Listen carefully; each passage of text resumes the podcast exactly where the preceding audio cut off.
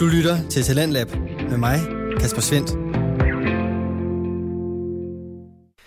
Og nu nærmer weekenden sig med hastige skridt, men inden den står helt på gåtur i den forhåbentlig synlige sol, så skal du lytte til, hvad dine medmennesker har lyst til at dele med dig.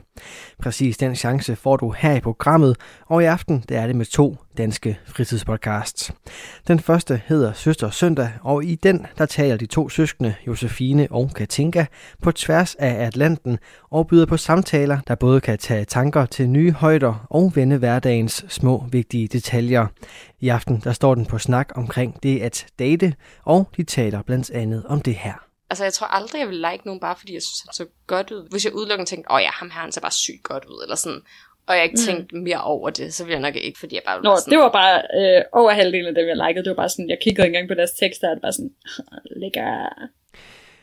Og efter de to søstre har fundet løsningen på datinglivets udfordringer, så står Johnny og Jakob for at give os et par kulturelle indspark, når det giver anbefalinger i fritidspodcasten Dinkbat og Datsun. Her der får du en spagsprøve på, hvad der venter. Og det er det der med, at du, det, altså, det, du, kan ikke, du kan ikke skrive det her.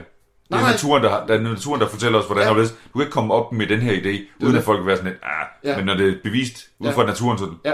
what? Det er det. Ja. Det kommer jeg aldrig til at forstå, sådan med, hvordan dyr de kan overlevere ting til hinanden ja. fra generation til generation. Ja. Nu er du lige kommet ud af ægget der, Gunnar. Nu skal du høre.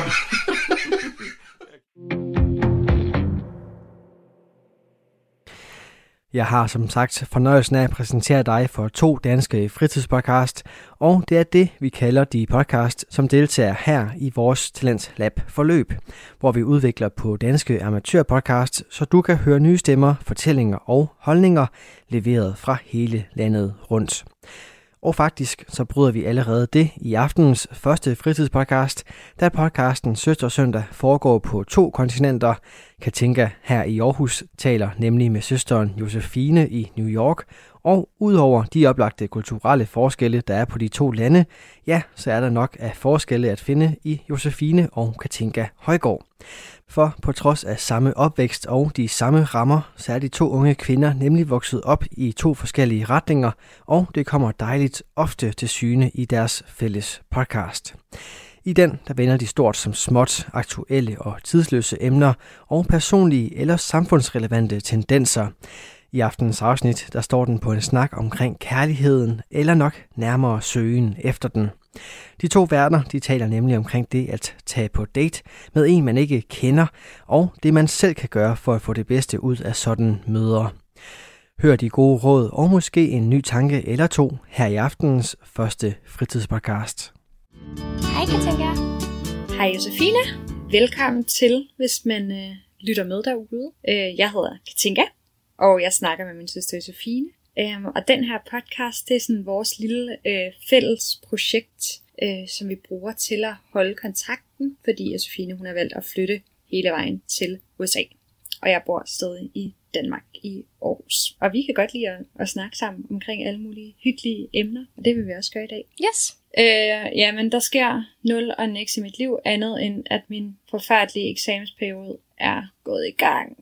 Nå, okay. Så det der, du sagde nogle afsnit tilbage om, at du bare var ligeglad med, hvad for nogle karakterer du fik, og du bare var ligeglad med sådan nogle der ting. Nå, men det ved jeg ikke, om det er stadigvæk... Ja, men jeg ved, jeg ved ikke rigtig, om den holder. Det er ikke så meget det. Det er mere bare det der med, man skal læse op. Altså, jeg er jo ikke øh, ligeglad med at bestå, men jeg synes på nuværende tidspunkt, at det fylder mindre for mig, at jeg skal have topkarakterer. Okay. Altså lige nu, der er mit øh, følelsen... Lige nu, der føles det bare lidt som om, jeg gerne vil bestå. Ja, det Og det jeg er egentlig også det. Men altså, det tror jeg heller ikke på, at jeg kan gøre, hvis ikke jeg læser. Så det er måske også et pres nok i sig selv. Ej, jeg ved det ikke. Jeg går bare altid efter fire, for så skal man bare altid kun blive... Altså, det, altså jeg, jeg har meget sjældent fået 0-2 nogensinde. Mm.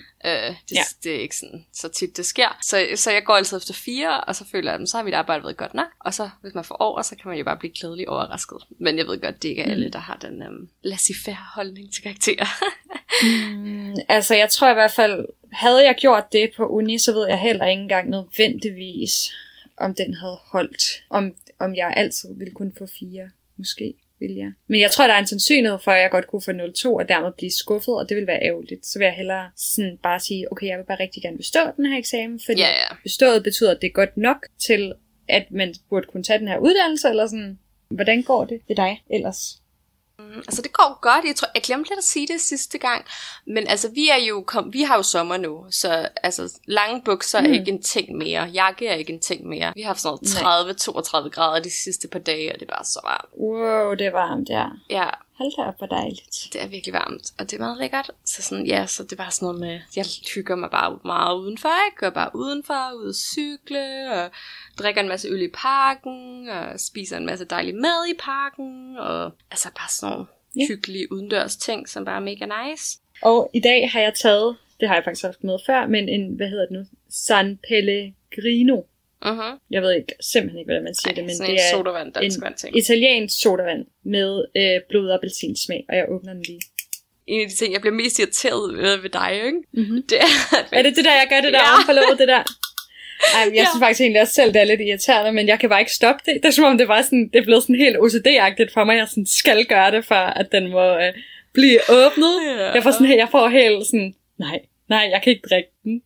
Hvis Ej, jeg er, har at også der er nogen, der ikke gør det. for jeg føler også bare, at, at det er kun fordi, jeg synes, det er irriterende, og så begynder du også selv at synes, det er irriterende.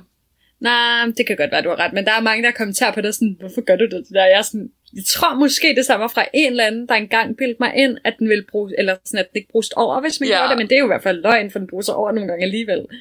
Så jeg ved simpelthen ikke hvorfor, men jeg har virkelig gjort det i mange år efterhånden. Meget irriterende. Nå, men hvad har du med? Jamen, jeg, jeg bare lige for at runde af, så tror jeg også, at, øhm, jeg tror også, at fordi at vi er søskende, så tror jeg også bare, at man bliver irriteret over sådan nogle underlige ting. Altså, ja. Ja. som bare sådan, Ja, ja. slet ikke giver det er mening. det, rigtigt. der giver slet ikke mening at blive irriteret over. Det er, jo, altså, Nej, sådan, det er jo så ligegyldigt.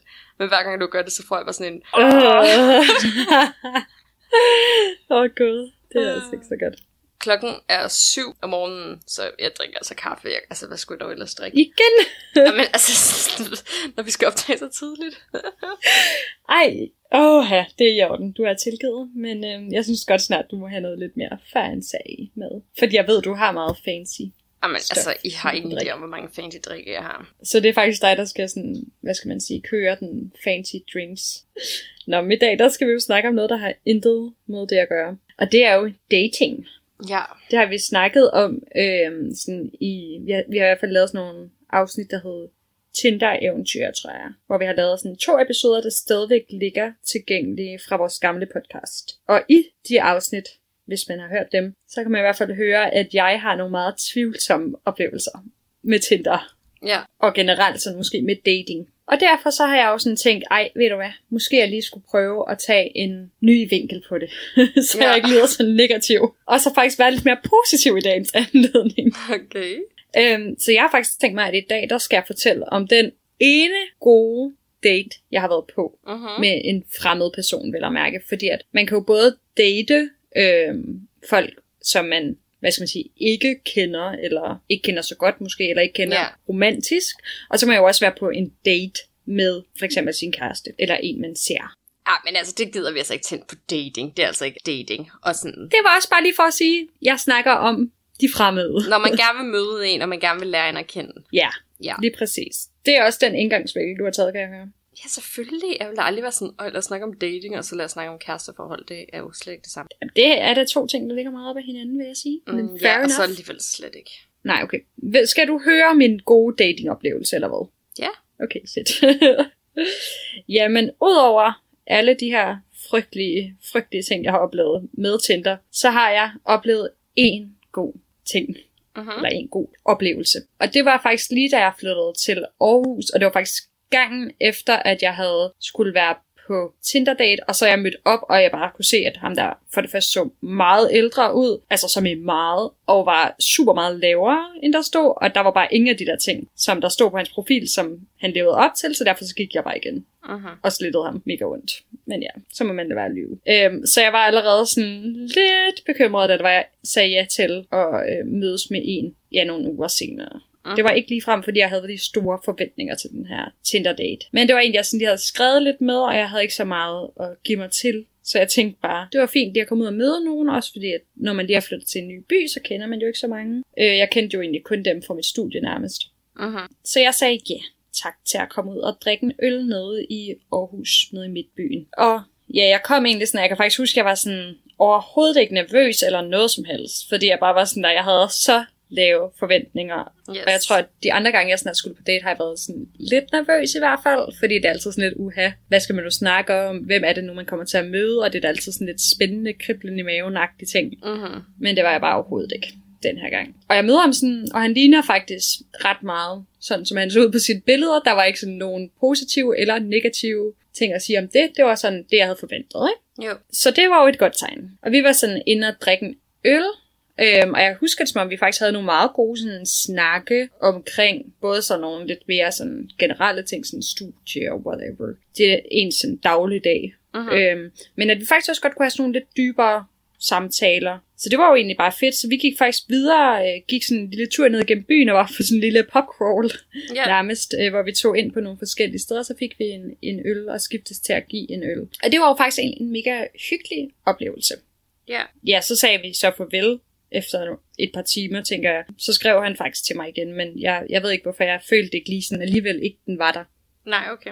Selvom jeg egentlig faktisk havde hygget mig. Men det var faktisk en god oplevelse i det hele taget. Og det fik mig bare sådan lidt til at tænke på, hvad er det egentlig, der skal til, for at noget er en god oplevelse, eller sådan, for at man får en god oplevelse med dating. Fordi at det var jo for mit vedkommende ikke, at man nødvendigvis skulle have datet en masse gange, eller at man skulle øh, have følelsen af, wow, det her det bare min kommende kæreste. Sådan behøver det jo faktisk slet ikke være. Så jeg tror, at for mig så handler det rigtig meget om sådan det her med, at man kan føle, at man kan komme ind på den anden person, at man ligesom sådan er rimelig ærlig på en eller anden måde. Mm-hmm. Øh, og kan have nogle sådan rimelig frie snakke, øh, hvor man ikke sådan nødvendigvis er, lad os man sige, alt for bange for at sige, hvad man mener, eller sådan, Ja. ja, at man bare sådan, ja, kan være sig selv i det på en eller anden måde, ikke? Jo. Og så er det jo selvfølgelig rart, hvis der er lidt god kemi, også at man sådan ligesom kan pingponge Mm-hmm. godt frem og tilbage. Men derudover, så ved jeg faktisk egentlig ikke rigtigt, hvad jeg synes, det kræver for, at noget er en god date. Hvad tænker du om det? Jamen nok bare lige der ting, du også siger. Altså, jeg synes, øh, jeg har jo klart været sådan lidt mere heldig end dig. Jeg tror måske også, Mhm. jeg har sådan et lidt andet mindset, og også bare lidt en anden person. Og jeg er ret god til at selv at sådan tage styring lidt på den der date, og være sådan, jeg gider ikke have det nederen, så lad os bare have det griner. Nej. Og ja, altså, jeg ved det ikke. Altså, jeg synes altid, det er så underligt, når man hører de historier om folk, der sådan dater folk, som er bare sådan, hvor de sidder og har det sygt akavet og sådan noget. Altså, sådan har jeg aldrig haft det nogensinde. Mm. Det skal du være glad for. Ja, men jeg tror, altså, jeg tror virkelig også, det handler om, sådan, hvad man, hvad sådan ens øh, mindset er omkring det, og hvad man sådan kommer ind med det til.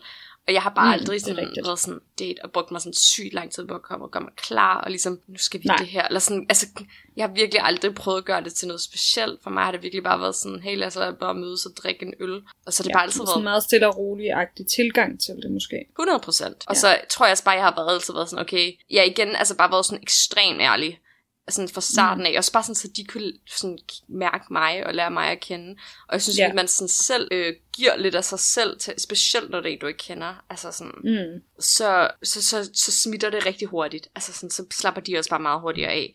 Og så bliver de også sig selv. rigtigt. Og så er det sådan, så er det bare grineren -agtigt, fordi de fleste mennesker, specielt når du sidder og drikker øl, altså det er meget sjældent, jeg kan møde et menneske og ikke have det sjovt at drikke øl med Ja, i dem. hvert fald have en god stund, eller sådan. Jamen, det, det kan jeg godt relatere til. Og det var faktisk også det, der fik mig sådan lidt til at tænke på. Kan vide om grunden til, at jeg sådan egentlig havde en positiv oplevelse, var fordi jeg kom med forventningerne, der var så lave. 100%. Altså sådan, at jeg virkelig bare kom, og jeg var 100%. ikke nervøs. Jeg var bare sådan, nå, nu skal jeg bare ned og drikke den her øl, og det er det. Det det, og det er bare virkelig sådan det mindset, du skal have, fordi hvis du, hvis du først tænker sådan, ej, åh gud, og hvad, hvad han ikke kan lide mig, og hvad skal jeg tage på, og sådan, altså laver ligesom Ja. et scenarie, så bliver du også altid skuffet, også hvis du på en eller anden måde regner med, at han er på en bestemt måde, eller, øhm, mm. men igen, altså sådan, jeg ved ikke, jeg føler også, at sådan, jeg tror, jeg har også altid sådan gået efter sådan lidt ældre fyre, som på den måde ja. har lidt mere erfaring i dating. Jeg tror også, at det er sådan, det er noget, du sådan lidt skal lære også. Altså sådan, jeg Ja, begyndte også ligesom, Det tror jeg, du har ret i. efter at have været på ret mange dates, begyndte jeg ligesom også at finde en eller anden form for skabelon, der altid lidt virkede. Mm. Øhm, Ja, ja så hvad, sådan, sådan- hvad kan man lave? Hvad kan man spørge om? Hvad kan man ja, hvad kan man gøre? snakke om og sådan nogle ting. Øh, for det ligesom bliver sjovt og grineren. Og jeg så, så tror jeg bare altid, jeg har været meget sådan, jeg vil gerne have det sjovt. Altså jeg gider ikke sidde og sådan, altså sådan, jeg har altid været meget sådan, jeg gider ikke sidde og snakke om, hvilken studie du studerer på, eller noget, fordi det synes jeg bare er sådan, du ved, det er jo ikke, du er jo ikke dit studie, så sådan, jeg vil meget hellere sådan vide, hvem du er, og hvem dine venner er, og hvem din familie er, og sådan, altså sådan nogle Ja. ting, ikke? I stedet for at være Mm. sådan, hvad er din interesse? Altså, det er jo bare sådan, så en ligegyldig information på en eller anden måde, eller sådan, ikke? Og det er også bare sådan et frygteligt spørgsmål, som jeg føler, man kunne få sådan, sådan en, der har skrevet nogle 100%. spørgsmål ned, sådan, shit, hvad skal jeg sige, hvis det er akavet? Sådan, hvad er din Nå, hobby? hvad er din hobby er? Ja. Altså, det er jo Åh, godt, nej. hvis man på en eller anden måde kan bonde over et eller andet, eller sådan, at man kan sådan... Ja, ja, det er rigtigt. Begge Hvis man to har noget til fælles. serie. Ja, så kan man og snakke om det, ikke? Ja, Men, det er øhm, rigtigt. Det er altid en god ting. Men Hvad er det så for nogle ting, du sådan ligesom, altså den der gode skabelon du sådan har fundet frem til? Hvad, hvad indeholder den? Alkohol? Altid godt. Ja. det er som om, det bare løsner stemningen lidt op, ikke? Altså, at det er sådan lidt mere casual. Altså, jeg ved ikke, hvordan jeg skal forklare det, men sådan ikke investere så meget af mig selv i det, at jeg sådan kan blive skuffet. Nej, jeg synes, det giver god mening i hvert fald, når jeg sådan lige tænker på de andre dates, jeg har været på, hvor det måske sådan har været lidt nederen, eller sådan. Mm. Så har det jo også typisk været, fordi jeg havde nogle forventninger om, at det nu kunne blive et eller andet mega godt, fordi at man havde skrevet sammen, og det havde været mega hyggeligt Mm. øh, at skrive sammen, og så var man bare sådan, wow, nu skal det her bare blive sådan en epic ting, hvor det bare er sådan, jubi, det hele bliver fantastisk-agtigt. Ja, s- ja, altså ja, jeg ved det ikke. Jeg synes, det handler jo også meget om nogle, sådan lidt sådan nogle Måske bare sådan lidt at finde sin type på Tinder. Altså sådan, det tror jeg måske også er en god idé, det der Nå, med, at man sådan... Det har vi jo snakket om før. Ja, altså sådan tænke lidt over, sådan, hvem man vil like. Hvem man liker. Det er jo forskelligt, fordi alle har jo forskellige typer, så jeg kan jo ikke sidde og sige, at alle skal bare skal like den her type. Men altså, Nej, nej, men vi har snakket om før, at der er en bestemt type, og det kan man godt se på billederne, øh, som bare er den her ret meget fuckboy-type, hvis det giver mening. Og så Ja, er der nogen, der ser sådan lidt mere sød og stille og rolig ud af det, og hvis man gerne bare vil have en hyggelig date, så er det måske mere den type, man skal gå efter. 100 procent. Altid. Ja, fordi det andet er altid bare sådan så weird. Og sådan, de er bare på så mange altså dates hele tiden. Så det er bare sådan, øh, det er bare, ja, det er bare en type, ikke? Du lytter til Radio 4. Du er skruet ind på programmet Talents Lab, hvor jeg, Kasper Svens, i aften kan præsentere dig for to afsnit fra Danske Fritidspodcast. Her først er det fra Katinka og Josefine Højgaard og deres podcast Søster Søndag, som i aften byder på en snak omkring det at tage på date. Det afsnit vender vi tilbage til her. Jeg, jeg, har også, jeg kan huske sådan noget med, at jeg også har sådan liket folk, hvor folk var sådan, ej, hvorfor har du liket ham? Han er jo ikke engang, ser jo ikke engang godt ud, eller et eller andet underligt, hvor jeg bare var sådan, mm. nej, nej, men han virker ret griner, fordi han har skrevet det her, eller sådan noget, ikke? Så jeg tror også, altså, Det er måske nogle andre kriterier, du også sådan overvejer lidt. Sådan, hvem kan du hygge dig med, kontra hvem er lækker? 100 Eller sådan. procent. Altså, jeg tror aldrig, jeg vil like nogen, bare fordi jeg synes, han så godt ud, hvis så det, han skrev, ikke var sådan, eller, du ved, altså, hvis det bare, hvis det kun var, hvis jeg udelukkende tænkte, åh oh, ja, ham her, han ser bare sygt godt ud, eller sådan, og jeg ikke Mm. tænkte mere over det, så ville jeg nok ikke, fordi jeg bare Nå, sådan, det var bare øh, over halvdelen af dem, jeg likede. Det var bare sådan, jeg kiggede engang på deres tekster, og det var sådan, lækker, like, like, agtigt. Det var også ret overfladisk, kan man sige. Ja, 100 procent. Og så tror jeg måske, altså, ja, det er også, det er så svært at skrive noget i den der profiltekst. Altså, hvad fanden skal man skrive? Øh, ja. Jeg synes bare alligevel godt, at man kan sådan nogenlunde, også bare sådan de billeder, folk, altså hvis folk lægger billeder ud, sådan, hvor de bare sådan er, du ved, på Roskilde og sammen med deres venner, og sådan, altså hvis du kan sådan se, okay, ham her, han har et normalt liv, så føler jeg bare mm. også, at de er ret normale ofte. Altså sådan, og så er det jo bare, Ja, det er ligesom at møde en, en af jeres andre venner. Men jeg tror også bare, der er sådan en forskel på, hvordan man dater nu, altså i hvert fald i min aldersgruppe, og så hvordan man gjorde fem år tilbage, hvor jeg var Ja. aktiv, eller hvad man siger, ikke? Jo. Øhm, jeg tror virkelig, Hvad der er forskellen? Jamen, jeg tror, forskellen er, at når du er i starten af 20'erne, er der bare ikke sygt mange, der sådan leder efter en kæreste. Altså sådan, jeg tror, der er mange flere, der Nej. Har sådan et, bare gerne noget date en masse, jeg vil gerne møde en masse mennesker. Jeg tror måske simpelthen mere kredsen, også det der med, at du siger, ej, vi havde en mega god date, men jeg følte den ikke lige, så jeg gad ikke møde med, ham igen. Det er sådan noget, Ja. hvor jeg tænker sådan, okay, det er jo mega åndssvagt. Altså sådan, Ja, ja. du kan jo aldrig føle den, øh, øh, altså 100% for Nej, at nej. give folk en chance, ikke? Og det er jo nok også bare, fordi du var i et mindset, hvor du bare var sådan, nej, for, altså, det er ikke noget, der sådan betyder sygt meget for mig lige nu, at sådan få en kæreste, yeah. så hvorfor overhovedet mødes med ham, ikke? Hvor jeg tror, Jo, jo. nu, tror jeg, at folk præcis. vil give det, altså i hvert fald i min aldersgruppe, jeg tror, du er stadigvæk lidt i starten af 20'erne, ikke? Men Jo, jo, selvfølgelig. øh, altså midt 20'erne tror jeg, at mange flere giver folk flere chancer. Jeg tror også sådan, dating gamet er også bare blevet taget sådan lidt op, kan jeg sådan høre på nogle af mine sådan jævnaldrende veninder. Altså det er sådan, du ved, selvom at, at jeg også bare siger, ej, bare tage ud og drikke en øl og sådan noget, men altså sådan, folk gør også lidt mere sådan, du ved, drengene eller mændene er det jo nu.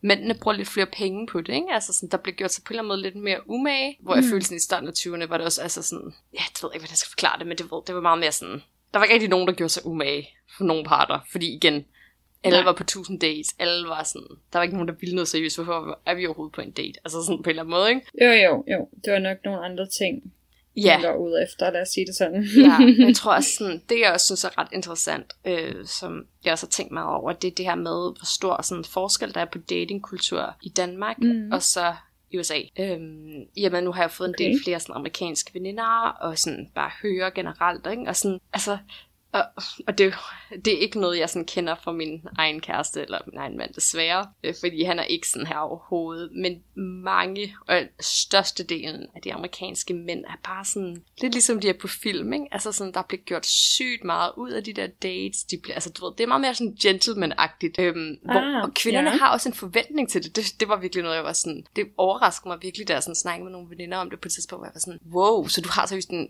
en forventning om, at sådan, han betaler, og han altså sådan, du ved, holder, ja, der kommer og henter helt... dig, og sådan, altså, du ved, du bliver sådan uh. behandlet på den måde, ikke? Fordi de ser det, fordi det er bare så stor del af deres kultur, at sådan, blive behandlet øhm, som, ja, en prinsesse eller whatever. Altså, det lyder så klamt på en eller anden måde, ikke? men det er sådan lidt romantisk. Mm. Ja, og det er meget filmisk, eller sådan, meget. jeg har altid tænkt sådan, der er jo ingen, der dater sådan der, fordi det, det er sådan noget, tage sin cykel, cykle ned i byen, købe en øl, cykle hjem igen. That's it. Når jeg er i Danmark? Ja, ja, det er det, jeg mener. Hvor at i film, så er det altid sådan, wow, der er mega mange roser, og der er musik, og der er en eller anden limousine, og I don't know. Ja, altså det er fordi alle sådan er så overdrevet, men der er bare nej, nej. En, en, helt klart en anden form for kultur, og herover er det meget sådan, mm. altså drengen, der tager pigen ud, og sådan. Ja, okay. Um, så det er meget mandens ansvar, og meget. Sådan, være ja. motor i daten -agtig. 100 procent. Okay. Øhm, hvilket også godt, de har lidt problem med de her incels. mm. som ligesom ikke rigtig kan klare mosten. Men ja, jeg synes bare, det er meget interessant, og jeg tror sådan, altså sådan, selvfølgelig er der også folk, der bare sådan, rent der bare sex og står herover, men det er slet ikke, altså det er slet ikke lige så løs, som det er i Danmark. Altså folk er meget mere sådan Nej. seriøse omkring det, jeg tror heller ikke, drengene har heller ikke sådan en idé om, at de bare kan sådan jeg ved ikke, jeg snakkede med en veninde om det på et tidspunkt, hvor jeg sådan fortalte dem lidt om, hvordan sådan, jeg havde i hvert fald oplevet, at sådan drenge ofte behandlede piger, og sådan, mm. hvor nederen det bare var, at man hele tiden gik rundt og sådan håbede på noget, men de aldrig rigtig gad andet end at knalde og sådan der ting, ikke? Som jeg i hvert fald føler, fylder, har fyldt sygt meget i min venindegruppe, og sådan, du ved, vi har bare ja, alle sammen sådan, der er ikke nogen drenge, der gider, altså, de gider, du ved, det er altid sådan noget. Ja. Hvor her er det sådan, du ved, de behandler dig, altså, i hvert fald for det, jeg har hørt, altså sådan, mm. så, sådan, så fyrene behandler dig bare ikke rigtig på den måde. De er sådan mere respektfulde omkring det i hvert fald, ikke? Men det kan, altså, der er selvfølgelig altid undtagelser, men sådan, der virker ikke som om, der er mm. den her kultur, hvor det er ok at sådan være sammen Nej. med en, og så ikke skrive dagen efter, for eksempel, eller sådan noget. Altså sådan, du ved, der er bare sådan ja. en helt anden sådan respektkulturagtig, som vi på en eller anden måde ikke rigtig har i Danmark. Nej, det er i hvert fald meget løst i Danmark. Altså sådan, der er ikke rigtig de der regler, eller sådan, det er ikke sådan, man skal, eller at det er normen, at man skriver tilbage. Det kan lige så godt være, at man ikke gør. Ja, 100 procent. Altså, der er seriøst 50-50 chance for, at du får en besked mm. dagen efter -agtig. Måske nærmest ja. mere 80-20, og du får en ja, ja, 20, det er nok. Altså. Jo, jo. um, hvor at, at sådan, sådan virker det, altså hun var meget overrasket. Hun var sådan, hvad? Jeg troede bare, at Danmark var sådan, at fyrene bare var mega sådan progressive, og de var mega lige, og de bare var mega sådan, du ved, sådan ligestilling-agtigt at bare behandlet kvinderne mega godt, og så var sådan, sådan, ja, jeg tror også, de har de holdninger, men jeg tror måske, når det kommer til sådan noget dating og sådan noget, så ved jeg ikke, om de sådan, på den måde fører det så meget ud i livet-agtigt. Og det tror jeg også, der er mange kvinder, der ikke gør. Så jeg tror, der, der er meget mm. mere en kultur i det okay, og bare være sådan, vi havde bare sex, whatever. Jeg behøver ikke skrive til dig, jeg behøver ikke sådan behandle dig ordentligt, bare fordi vi har sådan været fulde sammen -agtigt. Ja, det er faktisk rent, vi snakker virkelig også tit om i min øh, venindegruppe, sådan om, nu er det jo heldigvis, fordi at jeg jo er kæreste med Joachim, men øh, det har også været sådan for mig, det her med at sådan, wow, man føler virkelig ikke det meget, og bede om, at man bare kan være et ordentligt menneske, sådan noget der, som at svare på en sms, når man skriver. Ja. Øh, ja, altså sådan, og det er så ofte, at man sådan har kunnet, altså skrevet en sms, og så kunne se, at de havde læst den, og bare aldrig få svar. Ja. Sådan, så går man bare og venter mega længe på at få et svar, ikke? Og man går og bliver mega ked af det, og man føler, at man sådan har gjort noget, man går og tænker sådan, ej, kan jeg tillade mig at skrive igen, og være sådan, hallo, har du set ja. den her besked? Eller bare sådan et eller andet. Er det virkelig for meget at bede om? Bare at man i det mindste kan så, sige, om ved du hvad, tak for en hyggelig aften, men jeg har ikke lyst til, at vi skal ses igen, eller ej. whatever. At man bare kan få et svar. Ja, og, og det værste er så to måneder bagefter, så får du sådan besked, er du ude? Ja, ja, ja, og så er det sådan, øh, kommer du lige over, og så alle siger jo bare, Nå jamen, øh, der var sikkert en rigtig god grund til, at jeg aldrig fik svar på den der besked, så ja, jo, det var da en mega god idé. Og så kører hjulet bare, ikke? Altså. Præcis. Og det er simpelthen... Ja, og det, men det kan være sjovt, ikke? For jeg kan huske... Nu har jeg jo lige sagt, at Jackson er slet ikke på den her måde og sådan noget, ikke? Men så kan jeg bare huske mm-hmm. sådan, at da mig Jackson begynder at se hinanden igen, så var ja. det heller ikke sådan med intention om, at vi skulle finde sammen overhovedet, eller blive kærester. Nej, nej, nej. Men jeg kan bare huske sådan, at, du ved, jeg bare huske det der med at tænke sådan, hey, det er bare så fedt, han altid svarer mig, når han siger, mm. jeg skriver til dig på onsdag. Så skriver han faktisk til mig på onsdag. Ja. Øhm, og det er først nu, det går op for mig. Det kan godt være, det er bare fordi, han, sådan, han er også bare en del, han er jo også en amerikaner, så det kan godt være, at han er også bare en del af den her kultur, og bare sådan, Mm. jamen det, det er man bare ordentlig omkring, eller sådan, det, når man Mm. siger noget, så Ja. gør man det også, eller sådan, men Ja. man lyver ikke bare, og ah, whatever, ikke? Jo, jo, lige Øhm, præcis. Så det synes jeg, det er bare, det, her, det, det er først nu, jeg tænker over, det kan jo bare, jeg har bare altid tænkt, nå, det er bare, fordi han var en mega ordentlig fyr. Men det kan sagtens være en kulturel ting også. Altså, Ja, jeg tror jeg helt faktisk. sikkert, der er noget med, altså hvad, sådan, hvad søger øh, man? Altså sådan, og at hvis man søger en kæreste, er man måske mere tilbøjelig til at være sådan typen, der svarer tilbage med det samme. Sådan, Mm-hmm. øh, hvis det er det, man ser i relationen, ikke? Men, øh, Men det er ikke også det, jeg mener, med, når det er kulturelt, fordi øh, det er ikke fordi alle herover søger en kæreste. Altså det, det er slet ikke sådan på den måde, der er jo stadigvæk mange, der bare sådan dater og sådan noget. Men Ja. forskellen er bare det der med, at folk behandler hinanden relativt ordentligt stadigvæk. Ja, jamen det var lige det, jeg skulle til at sige. At, øh, at fordi jeg tror, at drenge, mænd i Danmark, sådan min oplevelse er i hvert fald, at mænd i Danmark øh, også er ordentlige, når de gerne vil have en kæreste, eller i hvert Ja. fald en dybere relation. Men ligesom, altså, når de kun i godstegn vil date, øh, så føler de, og også mange kvinder, skal jeg sige, Ja, ja. Øh, at de kan tillade sig mange flere ting. Og også at ikke opføre sig ordentligt. Helt klart. Helt klart. Men jeg ved det ikke. Jeg håber, altså, selvom jeg også godt ved, det der er lidt af en løgn, så håber jeg lidt, det er bare sådan noget, der sådan hører til mænd, der er i starten af 20'erne, og det ikke rigtig sådan stadigvæk foregår, i hvert fald i min aldersgruppe, som er midt 20'erne. Mm. Men det gør det stadig, sikkert stadigvæk. Altså, jeg vil sige det sådan, jeg er jo stadigvæk i start 20'erne, så jeg ved det ikke sådan, min veninde er stadig i start 20'erne. Jeg har ikke nogen erfaring fra, øh, når du kommer lidt længere op af, men øhm, det bliver i hvert fald spændende at følge med i. Men har du hørt om den der, øh, hvad hedder de, den 23-års reglen? 23 års, jeg kan ikke huske, om det hedder 23 års reglen, eller om det har et andet navn. Men en eller anden øh, forsker, der mener, at når man er 23, så har man i princippet øh, mødt nok mennesker til, at man kan finde sig en partner. Sådan rent psykologisk. Altså sådan, så har man mødt så mange forskellige, at man nu ved, hvad man gerne vil have, og man derfor i teorien vil være klar til at slå sig ned. Wow, det føler jeg bare slet ikke rigtigt overhovedet. Jamen, det, jeg ved ikke rigtigt. Det, det er noget, jeg måske har læst i et eller andet blad et eller andet sted. Ja, okay. I have no idea. Men i hvert fald et eller andet med, at man vil være mere tilbøjelig til at gøre det. Øhm, og pointen var bare, at det bliver jo spændende at se, når folk så bliver 23. Hmm, altså jeg føler, der, jeg føler, der er mange, der får en sådan, deres første seriøse kæreste sådan, mellem, når de er sådan 22, 23, 24. Men jeg tror også, der kommer, når vi så, altså jeg tror om fire år ish, sådan Mm. slut 20'erne-agtigt. Så tror jeg også, der er Ja. rigtig mange, og sådan start 30'erne. Jeg synes, der er rigtig mange, der også begynder at slå op igen. Ja, det tror jeg, du har ret i. Nå, men jeg ved ikke, skal vi tage og runde af måske? Ja, hvad er din anbefaling? Øh, min anbefaling i dag er super random, men det er fordi, den anden dag der lavede jeg en frugttærte med hindbær og blåbær, og det var bare sygt lækkert. så jeg vil anbefale folk at lave en frugttærte, tærte, simpelthen. Mm. Og så vil jeg lige dele min opskrift på, hvordan man kan lave en vegansk Ja. frugttærte, fordi at jeg tog bare en almindelig opskrift, og så veganiserede jeg den. Mm-hmm. Det blev ret lækkert, synes jeg selv. Ja, det lyder så godt. Jeg elsker frugttærter. Det tror jeg faktisk ikke, du kunne lide. Så det er min anbefaling simpelthen. Øh, min anbefaling er, at jeg er, har endelig købt mig det køkkenredskab, som ligesom skal gøre, at du er sådan the real vegan. Okay. Og det er en airfryer. Jeg ved faktisk ikke, om Ej, har du købt sådan en? Jeg har købt en. Og den Ej, jeg vil også have en. Ej, men altså, mit liv er for evigt ændret.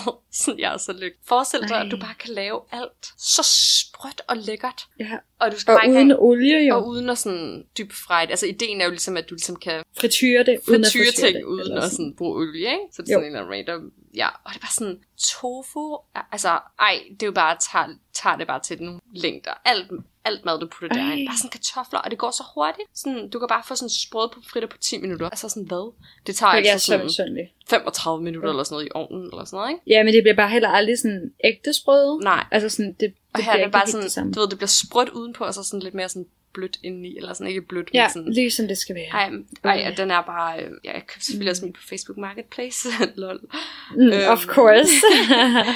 Og Ja, ja, ej, jamen, jeg det giver altså god elsker den maskine. Altså, den er... Jeg ved ikke, jeg glæder mig til, at de kommer Sygt lidt mere til Danmark. Jeg er sådan, det er en meget stor ting her i USA, fordi folk går sådan, har jo ekstremt mange køkkengrej herover i forhold til Danmark. men det er jo også fucking nice at en airfryer. Min øh, Martina, som vi jo har haft med, har også sådan en.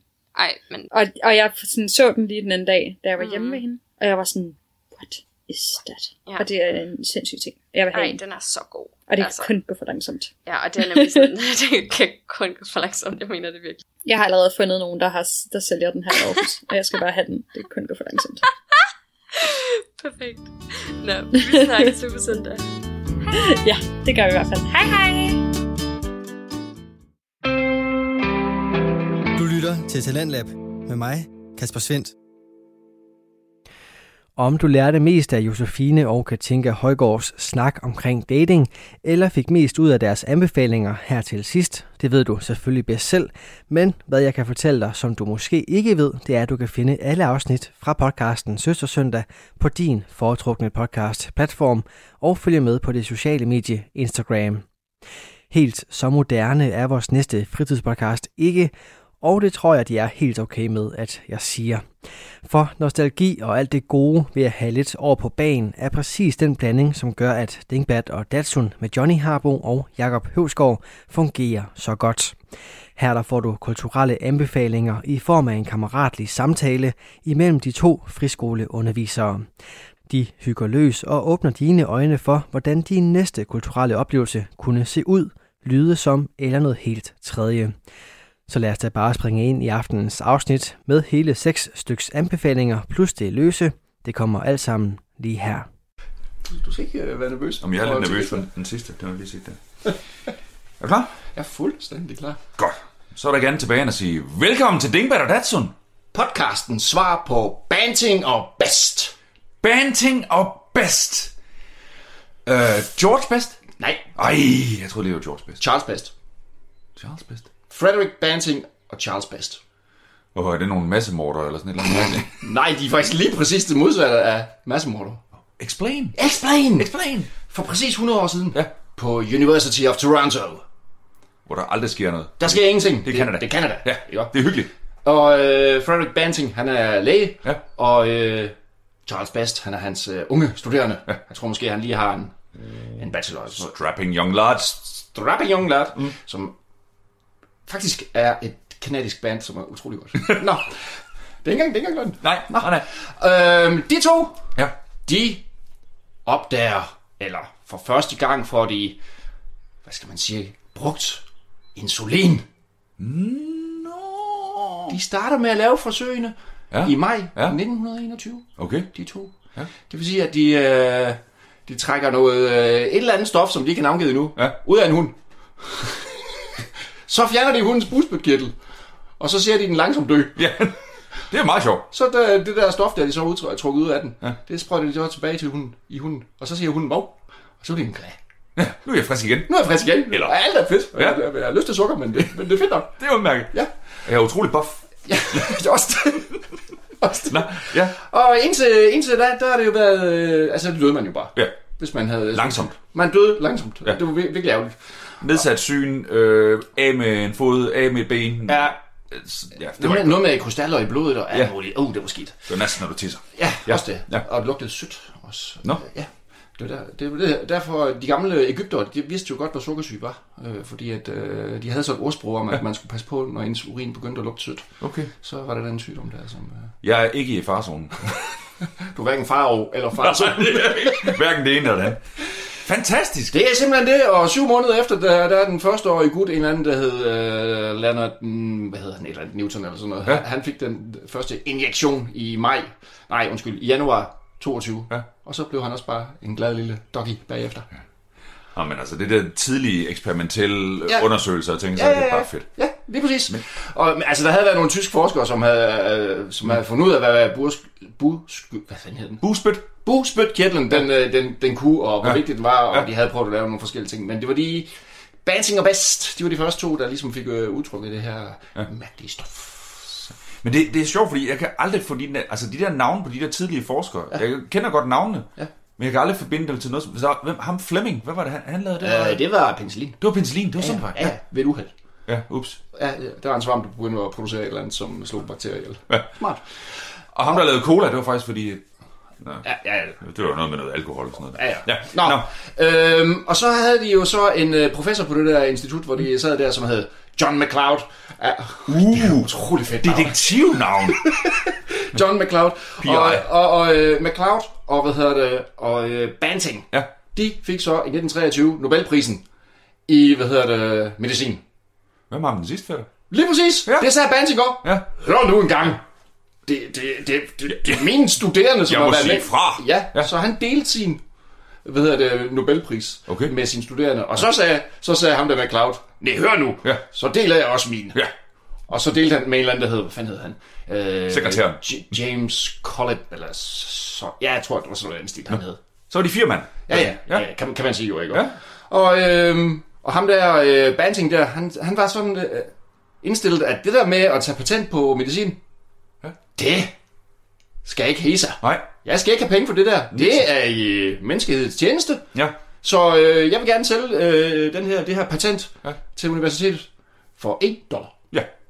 Det var, Så det gjorde han. det var en rigtig gentleman. Det må man sige. Ja. Og hans øh, efterkommer, de har roteret i graven ja. lige siden. For helvede! Jamen altså, så, så det var for 100 år siden. I disse dage, de startede med forsø- forsøgene. Ja. så hans efterkommer, de så sat penge i Novo Nordisk siden der for at tjene boksen. Det tror jeg. Ja. Det må man håbe. Fantastisk. Yes. Nå, Det jamen, var Banting og Best. Banting er bedst. Og øh, det er episode nummer 27, vi er ude i, Jacob. Det er dejligt. Og vi har holdt en lang pause. Det har vi faktisk. Der har været noget med lejerskole og Lejerskole, ja. På Bornholm. alle steder. Mm, Klippeøen. Klippeøen. Ja. Ikke dårligt. Nej, øh, meget spændende. Bornholm og Tårn var jeg nede at se, men det må jeg, det må jeg tage på et andet tidspunkt. Ah. Ja, det var noget koldkrigs noget. Og det kan Og en lide. mik-jæger. Det tror jeg, jeg tager på et andet tidspunkt. Det tager du på et andet tidspunkt, Cliffhanger. som man siger. Ja. Og som sædvanligt, så har vi jo øh, to post-it-sedler. Ja. Øh, de er i lyserød igen. De er utrolig lækre. Og jeg har jo lige set, det var derfor, jeg var lidt nervøs, da vi startede, dine ord på, hvad der står der, hvad du har skrevet, ja. Og du har set mine. Så øh, du har skrevet tre ting, jeg har skrevet tre ting, Præcis. Som vi plejer. Yep. Skal vi starte? Det synes jeg. Jeg kigger på din seddel, Ja. så står der Dojo. Dojo. Oh, jo, jo. Eller et eller andet. Tran. Fordi at jeg har jo set en serie, Ja. som er overraskende god. Og på, på, og, og på de lidt grine nu, så er det jo også overraskende dumt, eller hvad? Ja. Det er også dumt, og det er også øh, det er virkelig som fod i huset til den her podcast, for det er virkelig meget ned af øh, Memory Lane. Er det over noget Cobra Kai? For jeg har set Cobra Kai. Ej, har du fået den set? Jeg har set alle tre sæsoner af Cobra Kai, Ja. og det er skidskægt. Og Cobra Kai er jo... Cobra Kai er jo, øh, hvis man er bekendt med Karate Kid. Kid? Karate Kid. Karate Kid. Det er hende, der står og sælger is ned. Det er Karate Kid. Det går mega stærkt. Hvor mange kugler skal du have? ja, det er rigtigt. Ah, jeg har allerede to, der have svært ved at styre i forvejen. Ja, det skal da gå. Øh, se, øh, film, serie fra 80'erne. Ja. Med øh, Ralph Macchio, Macchio, Macchio, hvad hedder han? Ralph Macchio? Ja, Macchio. Macchio. Ja. ja og øh, Pat Morita. Hvad hedder det? Ja, Wax on, wax off? Ja, Mr. Øh, Miyagi. Ja. Ja, ja, han hed Pat Morita. Okay. Ja. Øhm, og øh, det her, det er jo så sådan en... Øh, man, man genbesøger ligesom det univers der. Ja. Og den er lavet sådan lidt...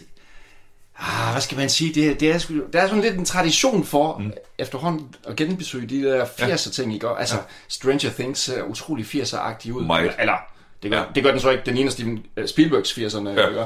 Og øh, der er noget, som hele tiden øh, be- begynder at lugte lidt af 80'erne. Ja. Men det, der er rigtig, rigtig fedt ved den, øh, den her serie, det er, at det er William Sapka, ham som spiller Johnny Lawrence, der er hovedpersonen. Ham, der er bad guyen. Han spiller hovedpersonen. Ja, ham han slås med Ham han slås med- allersidst. Ja. Ja. Han der blonde fis der, som Ja. får trænsparket lige i næsen der. Ikke Sådan, også? ja. Han spiller hovedpersonen. Ja. Og det er ham, man følger. Og han har, han har så, øh, siden det der ned- nederlag, det, det, har så, det sidder jo dybt i ham. Ja, det er så han er sådan lettere alkoholiseret, og han kører stadigvæk den samme røde bil, som han gjorde i den, den første film. Og, og, øh, Men det er så- sådan en... og han, er, han, han kan ikke rigtig, han arbejder som sådan noget, øh, hvad fanden er sådan noget, sådan noget pedelagtigt noget, og det kører Ja. bare ikke. Nej. Og hvad, uanset hvor han kører hen i sin gamle skrammelkasse af en bil, ja. så er der kæmpe store øh, reklameskilte ude ved vejen for LaRusso Autos. Fordi at Daniel LaRusso, Ja. han er så blevet den helt store bilforhandler i The Valley. Ikke? Og, og, og det hele kører med jakkesæt, og det hele det er bare så totalt slick, ja. som, som noget kan være. Og så, og så handler det så om, at, øh, hvad hedder han, øh, ham her, øh, Johnny Lawrence, han får så en ung Karate Kid. Ja. Øh, og, og skal ligesom øh, træne ham, og han får startet sin dojo, mm. og øh, de har stadigvæk konkurrence kørende, øh, hvad hedder det, hvad nu han hedder, Daniel San, Ja, altså, og, og Johnny Lawrence, ja. og så, så, så åbner han sit, øh, op for, hvad hedder han, øh, Mr. Miyagis gamle dojo mm. igen, så han kan træne sine børn igen, og der kommer flere og flere ind i, i, i hvad hedder han, øh, Johnny Lawrences øh, dojo, mm. som hedder Cobra Kai. Cobra Kai. Er så opkaldt efter den der, øh, den der dojo, han selv var i, Ja. ja. i 80'erne der. Som jo var meget aggressiv. Som var meget aggressiv. Ja, sorte dragter. S- Sorte dragter og Strike First Ja, og Never ja. Surrender og Ja, alt Army. Det, ja, sådan noget der. Ja. Og så... Øhm, hele første sæson, den fungerer, den fungerer virkelig godt, og, ja. og den lever fuldstændig på nostalgien, mm. kan man sige. Og, så, og så, så i slutningen af, hvad hedder det, af første sæson, aller, aller sidste, hvad hedder det, afsnit, der kommer, hvad hedder han, Kreese. Han kommer ind, John Kreese. Ham som er bad guyen, den rigtige bad guy. Uh, den, den, ham, der var træner. Ham, der var træneren. Ja. Ham, som smadrede knorene igennem øh, ruderne på bilen der i slutningen. Ja, ja. Så kommer han ind med en stor cigar, ja. og så eskalerer det fuldstændig jo, ikke? Og den er sjov. det er sket. Ja. Og øh, hvad hedder det? Og, øh, første sæson fungerer skide godt. Anden sæson, der, øh, der har de så ligesom fundet ud af, vi har, vi har fat i noget her. Mm. Vi kan både ramme øh, folk, der var unge i 80'erne, Ja. men vi kan også ramme deres børn, faktisk. Ja. Så det bliver, anden sæson bliver lige lovlig, sådan, øh, der er lige lovlig meget øh, Beverly Hills over det. Altså, det, er, der er lige, selvfølgelig, det bliver lige for, for high school-agtigt, Ja. og lidt for meget kærlighed og sådan ja. og det, og det, ja, det, det, er jo fint nok, men, det, men altså, Men det er jo også verdens tyndeste historie at lave ja. tre sæsoner på. Altså, Ja, ja, men, men, men det, det, det fungerer, og det hele det handler jo bare om, at så, de der to hvad skal man sige, øh, karatekulturer, mm. de ligesom øh, konkurrerer mod hinanden. At Ja. ja. Daniel Russo, han stadigvæk er sådan noget øh, wax on, wax off, Ja. ja. off, og det er forsvar og alt det der, og det andet, det er aggressivt og sådan nogle ting. Så. Men får, får, man, øh, får man altså sympati for ham her? øh? Ja, han, man, får total, altså, man får total sympati for ja. ham der, fordi at man får jo så baghistorien, han kommer jo fra øh, sådan en øh, dysfunktionel, de er, Broken Home. Ja, ja, altså de er, de er mega rige, mm. men øh, far, eller stedfaren er et kæmpe svin, og øh, derfor har han det dårligt, og mm. skal være ond, og har, har en faderfigur i ham der, Kreese, der, Ja. og alt sådan noget, bla bla bla, hvorimod at, at hvad hedder han, Daniel Russo, han er bare blevet lidt for lækker til love, og ah, han spiller bare så slik, altså, at det var, man tænker, Jesus, så slap dog her. Ja. Men det er meget fedt, at han er blevet auto, altså bilforhandler. Ja, ja. Det, det, det er jo også lidt, lidt cringe. eller Ja, ja, vil sige, ja, ja, men, men det er sådan nogle luksusbiler og sådan ja. noget, ikke? Altså, så det, altså, det, der, der, der er ret mange sådan sjove øh, po- pointer i den. Altså, der er nogle, nogle, nogle steder, hvor man kan se, at den, har, den er ret billigt Ja. lavet. Altså, der er nogle af de der ting, hvor man siger, okay, det er øh, 100% sikkert en kulisse, det her, selvom vi er udenfor. Altså, det, det, det, er, det Eller der står vibrerer. Ja, sådan, åh. Man kan høre naboens hund. Ja, men der er sådan nogle kampscener, som det, det skulle egentlig meget skægt at se, det der sådan noget øh, karate der med, ja, Men også det der med, at altså, de to gutter der, de ja. Ja. blev jo kendt. Altså, Ja. jeg ved ikke om Ralph Macchio, eller hvad, hvad ja. han har- nogensinde har lavet andet. Jo, han har lavet en del, faktisk. Har han det? Ja, ja, han har faktisk lavet en del. Og faktisk så spiller han lidt den samme rolle som den der serie, der hedder The Deuce, som jeg snakker Ja, om for et ja. år siden. Altså, der spiller han jo sådan en korrupt politibetjent, som Okay. også bare er, er mega slick Ja. ja. og ulækker. Ja. Og det er faktisk lidt den samme rolle, han spiller. han, spiller han, spiller, han spiller igen. Men det der med, at de tør tage det op og Ja. prøve igen, Ja, det er altså meget fedt. det er rigtig sjovt. Det. Altså ligesom de gjorde med, ja, med Beverly Hills, hvor de Ja, ja. 20 år senere, og de Ja. har gjort... Ja. Men, så, øh, så, så det fungerer godt, og, og så er der bare nogle, så er der nogle ti- ting, som er sjove i den. Altså de her to øh, gutter her, de bliver ved med deres, øh, deres øh, interne, hvad skal man sige, sådan øh, macho fight der er mod hinanden. Ua- Uanset hvornår de mødes, så begynder de at hakke på hinanden, fordi at, og Daniel Russo, det var dig, der stjal min kæreste, hende, der, hende der, som var spillet af Elizabeth Shue. Var det hende, der spillede? Ja, ja, som, som dukker op i sæson 3 også jo. Uh. Hun er stadigvæk skarp. Ja, Nå, okay. øh, og så, øh, men, men det, det er sjovt, fordi at øh, Daniel Russo er gift med en anden en, mm. og så, når der er nogle kvinder til stede, mm. Og så de her to mænd, de opfører sig som 17-årige, så lige pludselig så ændrer det ligesom karakter for de der to kvinder, så bliver de de fornuftige, Ja. ja. og så lige pludselig så ser man det, så, så får man sådan et indtryk af serien som sådan noget drenge, barnligt, pis, ja. kan I ikke lige tage jer sammen, Ja. ja. gutter, altså Ja. ja. helt seriøst, Ja. ja. det var I stadigvæk i fortiden, ja. Ja. og så sidder man herovre i sofaen og tænker, ja, lidt gør jeg, undskyld. Men sådan er det jo! ja. Sejt. Så det er helt vildt sjovt. Og så, øhm, og så er der selvfølgelig øh, noget, som er, som er påfaldende, synes jeg, i mange amerikanske filmer og mange amerikanske serier, mm. at hvis der er nogen, som er onde, mm. så er der i vores tid et arnested for ondskab. Og den onde i den her Cobra Kai, det er jo ham der, Kreese der. Ja. Hvor bliver han selvfølgelig ond hen? Hvor han blev ond hen Ja. i herren. Ja, Ah, hvor, og hvor hen i herren? øh, en af de der elite... Øh, Ah, ja, det er, ja man, han er i et eller andet elite Ja, noget. ja. I Vietnamkrigen selvfølgelig. Selvfølgelig. Der, hvor Ja. den amerikanske stat, den taber en krig. Ja. Det er der, der er ondens øh, oprindelse, Ja. kan man sige. Der, Ondskaben kommer derfra. den kommer derfra. Ja. Så en der, hel generation, der blev afstumpet. Fuldstændig. Ja. Så, man, så, der er sådan nogle flashbacks til øh, ham der Kreeses øh, krigstid, ja. øh, hvor han er i Vietnam også. Og, øh, altså, det, det, det ligner... Der, der, det ligner sgu også et eller andet fra, jeg ved fandme ikke hvad. Vietnam-veteraner. Ja, ja. Så, oh, det var en god film. Ja. Øh, Nå. ja. Men, det- men det er... Tro- Tropic Thunder eller sådan noget. ikke? jeg håber jeg ikke. Men og det er jo, altså ja, fordi Vietnamkrigen er jo blevet sådan det amerikanske ar, eller hvad skal man sige, Ja, ja, det er blevet sådan lidt, Ja. Men nogle gange tænker jeg også på, kan vide om, om, om filmindustrien, fordi de tog det op på den måde, også har gjort det til, til mere end det var. Ja. Fordi hver eneste gang, der har været et eller andet, også, ser man også i nyheder, så er der en eller anden, der er begyndt at skyde, Ja. så har han været i Vietnamkrigen. Ja. Altså, de har også let efter den der nål hele tiden, eller fordi, Ja, ja, ja. ja. som vi snakker om, der er jo folk, der kom hjem fra Koreakrigen og fra øh, 2. verdenskrig, som bare gik hjem og, Nå, men jeg skal bare arbejde. ja, jeg mener, 2. verdenskrig, de, de arbejder bare. Ja. Nu knokler vi. Ja, for det bliver vi nødt til, fordi ja. øh, vi skal lave en virksomhedsfundet. Ja. Nå, jamen det, det, det jeg tænker bare nogle gange på, om, om medierne faktisk, fordi jeg har jo altid været stor fortaler for Vietnam-film, fordi det var sådan et, der viser amerikanerne bare, her der tabte vi, og Ja, ja, vi var ja. ja. så hårdt på udebane. Det var det. Men kan vide, om det egentlig har været sådan lidt for, Ja, lidt for populariseret på et ja det tror jeg måske ikke. Nå. Det er gået fuld John Rambo i den. Oh, Men den kan man, øh, den kan man, øh, den kan man roligt se. Cobra Og- Kai. Cobra Kai.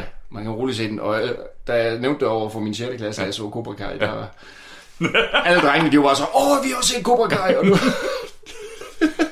for, for mig, der, når man siger det, så lyder det altså bare stadigvæk som en ældre mand på en, på en Puk Maxi nede ved Forborg Havn. Altså, kommer der, det er der Cobra Kai, der kommer kørende. Ked af at sige det.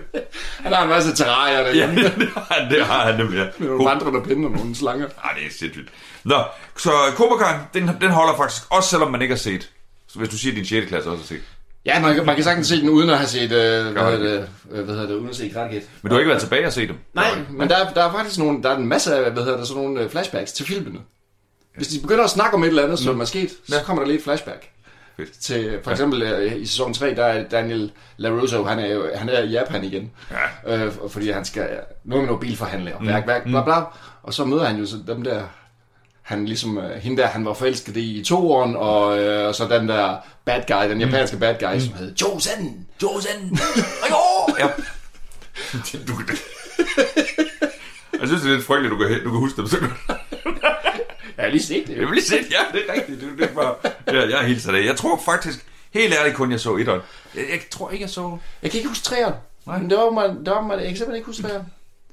Det havde vi ikke i videokiosken nede. Nej, nej. nej. Nej, nej. Men toren, det var dem i Japan i hvert fald. Ja.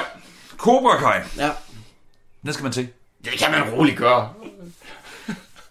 og så grine lidt af det også. Og så, det er meget, det er meget, det sgu skægt nok. Det er rart at være 17 år engang. Ja, ja, det sgu sjovt. Yes. Godt, det var den første på din. Yes. Og du har skrevet, øh, Ja. du har skrevet Patty Hearst. Jeg har skrevet Patty Hearst. Ja. Øhm, Er det noget med at blive forelsket i sin kidnapper? Ja, noget med det. Lige nok. Citizen Kanes øh, barnbarn. Ja. Øhm, jamen, det er fordi, jeg var på, øh, på DR, og der ligger en øh, sådan en dokumentarserie Ja. om øh, Patty Hearst mm. og øh, hendes, øh, ja, abduction, altså hendes bortførelse der tilbage i 74, mm-hmm. og hvordan det foregik. Og hvis ikke man kender historien, så er det jo, at hun er den der rimands barnebarn, Barnebarn. og også rimands datter. Han, hendes far er sådan, han har øh, The San Francisco Examiner, eller sådan en af de Okay. der store aviser, Ja. har han fået lov at arve, og øh, efter, E- efter den store Hearst. efter William Randolph Hearst, Præcis. kæmpe mediemand, Ja. sat total standarden for medier i USA og for politik, og hvor man, hvordan folk i mediebranchen kan bruge Ja. politik, eller kan hjælpe politik. Og ham, Ja. der, og ham der byggede Hearst Castle der. Ja. Jo. Jo, Ja. ja. så hun er, de, de bliver med at snakke om i, i den her, altså hun bliver simpelthen omtalt som uh, Californian Nobility. Uh. Altså, Ja. hun er top of the pops. Ja. Men hun er faktisk, uh, hun bor i Berkeley, mm-hmm. som uh, sådan helt ung, hvor hun øhm, har taget nogle kurser og øh, gået lidt på skole og sådan nogle ting, og der har hun mødt en ung øh, lærer, øh, som hun faktisk i en meget ung alder begynder sådan at flirte med, og mm. så flytter hun ind til ham. Okay. Og han er faktisk sådan lidt semi-kikset og sådan lidt øh, sådan matematiklærer ting. Ja. Øh, men hun får, hun får lov til at, at, at, at bo sammen med ham, øh, og fordi den der Hearst-familie er åbenbart sådan, med hensyn til det sådan ret liberal. Bare okay. du er glad, så Ja, ja. Øh, det, der så sker, det er jo, at øh, de bor der i Berkeley, og Berkeley på det her tidspunkt, det er midt i 70'erne, det er 74. Øh, Berkeley i starten af 70'erne var, det var en krudtønd, og det var jeg slet ikke klar over, at, at alle, for, alle amerikanere, der havde en eller anden form for bare lidt radikal tankegang, eller vi kæmpede mod systemet og sådan noget, efter 60'erne og sådan mm. nogle ting, de rykkede til Berkeley. Okay. Det var vildt, hvad der var af, af, af grupper derude, og af, af forskellige art. Og, og der er ikke kun sådan nogle med, at nu render vi rundt med et banner og demonstrerer. Det er jo det er folk, der laver bomber, og mm. de siger på et tidspunkt i dokumentaren, øh, i det i løbet af 70'erne, de tror, de nævner tre eller fire år, der har i USA været øh, omkring 5.000 bombeanslag på, på offentlige bygninger. Offentlig bygning, ja. Inden for en kort ja. årræk. Så det var altså et samfund, der var i... Altså, Ja. der var dem, der var, og så var der dem, der følte sig udenfor. Ja. Og mange af de her øh, Berkeley-folk der, de, øh, som sidder med deres... Altså, går, når de læser, går til forelæsninger og den slags, og så sidder de så der om eftermiddagen og snakker om, og hvordan uh, we're gonna stick it to the man, ja. og alt det der ting. Ja. Og så er der faktisk rigtig mange af dem, der melder sig til at undervise i fængsler. Fordi de uh, synes, at den uh, afroamerikanske befolknings... Uh, mm. de, de bliver alt for voldsomme, så de bliver smidt i fængsler ja. og sådan noget. Uh, og laver, får en hel del bånd og, og venskaber med dem, så når de kommer ud, så har de også det der sådan lidt semikriminelle mm. and. Så, så der er ikke så langt for, for at begynde at røve banker og lave bomber og den slags. Mm. Og der er en gruppe i, øhm, i Berkeley på det her tidspunkt, som hedder, øhm, den hedder Symbion, Symbion, Symbionice, eller sådan noget, sådan en symbiose Nå. befrielsesfront. Okay. Øh, og de øh, ved ikke rigtig, hvad de skal, og hvordan og hvorledes, så de kæmper lidt med, hvordan og hvorledes. Øh, og de kører så op foran hendes hus, Patty Hearsts ja. lejlighed, hvor hun sidder der med sin øh, kedelige forskermand, og så tager de hende. Nå. De banker ham, og ja. hårdt og brutalt, og tager hende, og så kører de væk. Okay. Og folk er sådan, what? Hvad? Altså, hvad, hvad, Ja. hvad, hvad, Altså, de vidste godt, hvem hun var. Ja, de vidste godt, hvem hun var, Ja, ja. og sådan nogle ting, men, men øh, og ret voldelig måde at gøre det på. Og, de, øh, og så handler den her dokumentar sådan set om, at hun jo så er i deres fangenskab. Ja. Øh, Ling. Mm. Øh, I starten, der øh, sender de sådan nogle kommunikerer ud. Mm. Jeg ved ikke, hvorfor det altid hedder kommunikerer, når det er sådan noget terroragtigt. Det er meget fedt. Det er ikke sådan noget med at sende en meddelelse eller, eller en kommuniké. Nå, det sender de så ud, og hvad det hedder, hvor hun indtaler, mor og far, jeg har det godt, og sådan nogle ting. Sådan, sådan. Og de kommer ikke rigtig med nogen krav. Og så efterhånden, så siger de alligevel, jo, øh, vi vil gerne have, at Hearst-familien betaler 2 millioner øh, til et øh, sådan, øh, med, for, af mad, der skal deles ud til fattige. Mm. Øh, og det får de også sat i gang og sådan nogle ting, og det, det ender med rent mediecirkus. Mm. Altså det er Hearst barnbarn, og det er... Ja, altså, ja, ja. så, øh, og de der steder, hvor de, der bliver filmet, hvor de står og deler mad ud, og det ender i slåskampe og sådan nogle ting. Altså, men de der kommunikerer, de ændrer sig sådan lidt, fordi mm. Patty Hearst, de tror, de sender 7, 8, 9 kommunikerer ud. Efterhånden så er det ikke sådan noget med, hun bliver med at sige, jeg har det godt, og de behandler mig fint og sådan nogle ting. Men så efterhånden så udvikler sig til, at hun faktisk godt kan se, at deres synspunkter med, at de rige bliver rigere, og de fattige bliver fattigere, Ja. og alt det her. Øh, og så øh, frelægger hun så navnet Patty, og skal hedde Tanja, i stedet for efter en eller anden boliviansk frihedskæmper Nå. dame eller noget. Ja. Øh, under omstændigheder, så sker der den der overgang. Ja. Øhm, og man får også fortællingen fra en, der hedder Bill Harris, som er med i den her øh, befrielsesfront. Okay. Øh, som var sådan lidt i starten, der sad hun inde i det der kosteskab, og så havde, skulle hun have, hun, skulle, hun fik øh, en radio ind, og hun fik lidt forskellige, hun, hun, de sad og læste højt for hende, af nogle af de skrifter, de synes var vigtige og sådan nogle ting, men det var så også det. Mm. Men efterhånden begyndte hun at spørge interesseret, hun indleder et forhold til en af de der gutter, og så optager de hende faktisk i gruppen. Ja, Øhm, så hun vinder. Ja. Ja. men det er jo en kæmpe FBI manhunt for at finde ja. hende og sådan nogle ting. Øh, det udvikler sig så også til, til, så laver de bankrøveri. Og i det bankrøveri, der, der stiller de hende helt ind foran. Altså Ja. de, de finder ud, simpelthen ud af, hvor er der en bank, der har elektronisk overvågning. Ja. Altså det er jo 74, ikke også? Ja. Det var ikke alle steder, de havde det. Så, øh, og så får, finder de ud af, okay, det, her- kameraet hænger der. Okay, så stiller de hende simpelthen ind foran, så man kan se, hun er med. Og hun har skarpladt våben med og sådan nogle ting. Og så begynder man at være sådan lidt, hvad er hun vendt? Og, så- og familien holder fast i, hun er blevet hjernevasket, og alt det der tam-tam. Og ham der, Bill Harris, som var med i den der gruppe der, han siger, nej, hun var, mm. hun var klar. Mm. Altså ingen tvivl. Øhm, og så bliver de nødt til at flytte, efter de har lavet det der bankrøveri, og de går på, er på flugt og sådan nogle ting, og de må dele sig op, den der gruppe må dele sig op. Og så på et tidspunkt, så find, finder, nogen, eller finder politiet nogen af gruppen i Los Angeles, og der er igen direkte transmitteret live øh, Ja, ja. gunfight mellem politi og den der... Ja. Og de er jo altså, de er hardcore bevæbnet. Altså, de mener, der blev skudt over de der 90 minutter, og den der gunfight var der, der blev skudt omkring 5.000 og hvad der hedder, patroner af fra det der hus, og det er helt åndssvagt. Nå, de brænder sig inden de der folk og dør. Mm. Og imens så er Patty og øh, ham Bill Harris og hans kone og nogle andre også, de er sådan lidt, hvad gør vi så? Og de er i en de rejser til New York, og de rejser tilbage igen. Og ham, øh, øh, Bill Harris, han siger flere gange, "Jamen, prøv at høre, nogle gange så sad hun jo på et motel flere dage. Mm. Hun, var ikke, hun havde egen, sit eget våben, mm. altså det sit eget sidearm, det får hun tidligt. Mm. Men over de næste halvandet år, der er hun sammen med den her gruppe. Og så bliver de så endelig fanget. Ja. Radio 4 taler med Danmark. Og du kan høre hele det resterende afsnit af den kulturelle samtale podcast Dingbert og Datsun i næste time af Talent Lab. Men først der får du her dagens sidste nyhedsoverblik.